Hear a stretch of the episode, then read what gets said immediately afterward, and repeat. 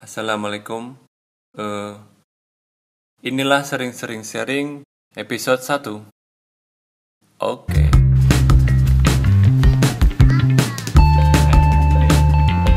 Assalamualaikum warahmatullahi wabarakatuh. Selamat datang di sering-sering sharing.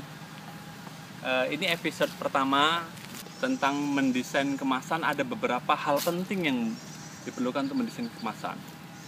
Kali ini mungkin saya nggak ngomong soal teknis. Pertama yang per- diperlukan adalah ketika mendesain kemasan harus paham dulu produk teman-teman itu mau dipasarkan di mana. Jadi misalnya contoh gini, teman-teman punya produk yang mau dipasarkan di supermarket, swalayan, toko oleh-oleh. Itu berbeda desain kemasannya ketika produknya itu dijual di toko kalian sendiri eh, atau punya outlet sendiri. Jadi isinya produk kita semua, tapi beda dengan produk kita yang dicampur di swalayan bersama produk lain. Itu berbeda. Kenapa? Eh, ketika produk kita di toko sendiri itu kita tidak masalah. Orang yang datang itu benar-benar mau beli produk kita. Jadi tidak ada kompetisi di situ. Ya karena mereka udah jelas produk kita. Kayak seperti Dagadu. Dagadu tuh outlet sendiri. Jadi ketika datang udah jelas mau beli Dagadu. Nggak ada produk lain di situ. Tapi ketika eh, bercampur dengan produk lain di swalayan, produk kita, desain kita itu akan berkompetisi dengan merek lain yang serupa. Jadi contohnya di kategori di kategori snack saja ada banyak snack di situ. Ada snack ini, snack ini, snack itu A, B, C. Nah, snack kita salah satu di situ. Bahkan mungkin ada keripik. Snack keripik itu ada beberapa buah.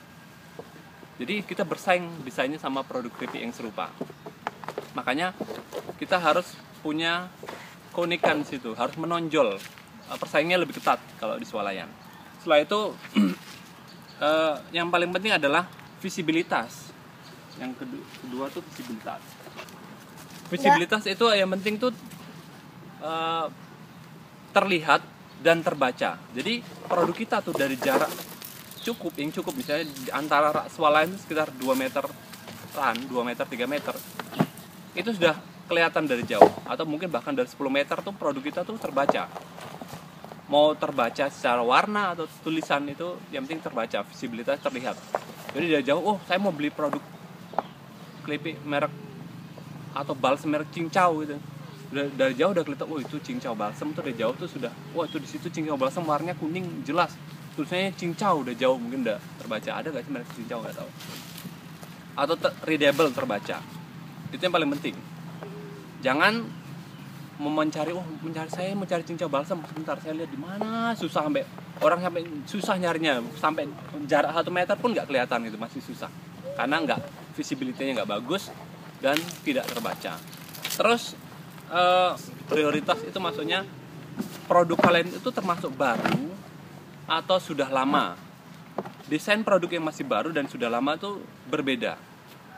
Kalau masih baru, kalian produk kalian harus dikenalkan dulu.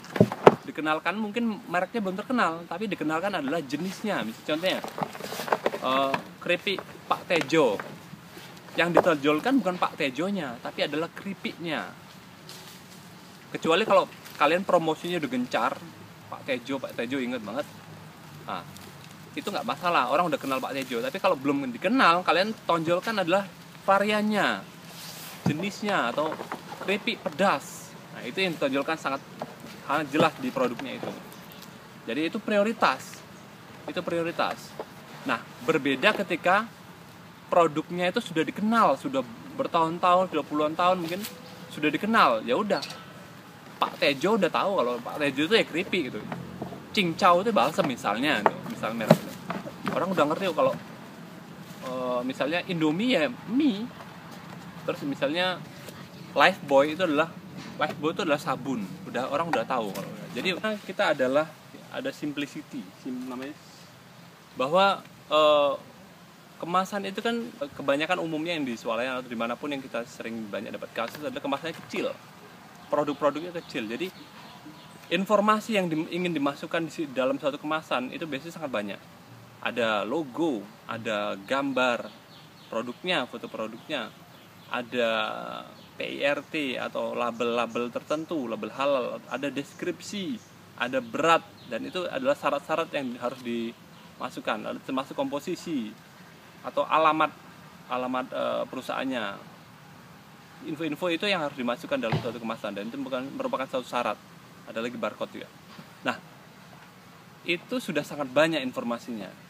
Jadi kita seharusnya cukup membubuhkan informasi yang dibutuhkan dalam satu kemasan dan mengurangi hal-hal yang tidak perlu tidak terlalu penting. Kenapa simplicity? Kemasan yang kecil itu dia membutuhkan ruang agak luas atau disebut white space, ruang putih, ruang kosong yang diperlukan untuk supaya men, menimbulkan logo atau uh, nama produknya itu dominan. Jadi dari jauh tuh kalau ada ruang putih, kalau ada di tengahnya ada misalnya keripik kentang atau itu lebih menonjol dibandingkan terlalu banyak informasi di situ ya less is more terus yang saya uh, teori tentang desain yang sangat penting yang kita, harus kita pahami atau mungkin untuk para pengusaha pahami itu adalah form follow function. Jadi ada teori seharusnya desain tuh mengikuti uh, teori ini karena desain itu adalah memecahkan masalah. Form follow function adalah maksudnya adalah jadi desain itu adalah bentuk mengikuti fungsi. Jadi fungsi dulu yang diutamakan. Jadi ini fungsinya apa? Jadi misalnya contoh gini. Contohnya kemasan uh, yang dipegang harus cocok di tangan. Di tangan tuh harus enak dipegang. Jadi secara fungsi ya jadi memilih material kemasan termasuk bentuk kemasan itu harus mengikuti fungsi. Jangan asal keren. Jangan asal form form bentuk. Jangan asal desainnya bagus. Nah itu biasanya kepakai untuk semua desain. Jenis-jenis desain apa pun itu. Nah sekarang kita akan membahas satu persatu. Nah kita kali ini membahas tentang satu kemasan satu kemasan. Tongchi itu punya kemas adalah produk yang sudah sangat lama ya. Jadi mungkin dia lebih bisa berubah untuk mengupgrade istilahnya. Orang udah inget tongci itu adalah produk teh. Jadi orang dengan cukup menonjolkan tongci pun kan ini secara prioritas lebih diperbesar orang sudah mengerti.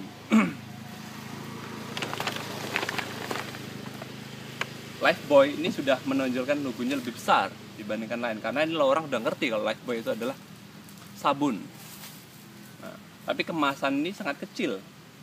Ya tulisannya sangat kecil kecil kecil, kecil. Dan ini produknya Unilever sudah sangat ngerti dan di depannya sangat clean bersih putih. Dari jauh orang sudah ngerti kalau warna merah itu ya Lifebuoy kemasan ini sudah Lifebuoy jadi mereka cuma menunjukkan beberapa hal. Total 10 dengan ada keunggulannya. Logonya sudah jelas. Kita mencoba uh, kemasan yang biasa mungkin ya. Lilin cap badak di sini ada ada apa namanya show window mungkin window untuk menonjolkan jendela untuk menunjukkan bahwa ini lilin. Tapi orang sebenarnya dalam pikir orang udah ngerti lilin itu bentuknya seperti apa jadi sebenarnya nggak perlu pakai show window udah ngerti. Tapi mungkin di sini menonjolkan ukurannya lilin mungkin di sini ukuran besarnya lilin. Dari sini lilin cap badak tuh ini nggak sebenarnya bayangan saya sih nggak perlu digambarkan gambar lilin karena udah orang udah ngerti gambar lilin. Badaknya saja diperbesar gambar badaknya karena ini saya yang saya tahu adalah lincah badak ini sudah sangat lama. Lincah badak. Memang lebih kuat. Itu adalah tagline-nya. Tapi apakah ya mungkin e, permasalahan di lilin adalah soal ketahanan kekuatan ya. Mudah patah dan sebagainya. Tapi ini mungkin menunjukkan. Tapi ini termasuk clean. Desainnya sangat simple clean putih. Eh maksudnya polos. Orang sudah ngerti Oke, sementara itu dulu teman-teman. Mungkin kita bisa bahas di lain waktu tentang lebih detail lebih detail teknis mungkin atau beberapa hal lain tentang desain kemasan. Lebih kasus per kasus. Sampai jumpa.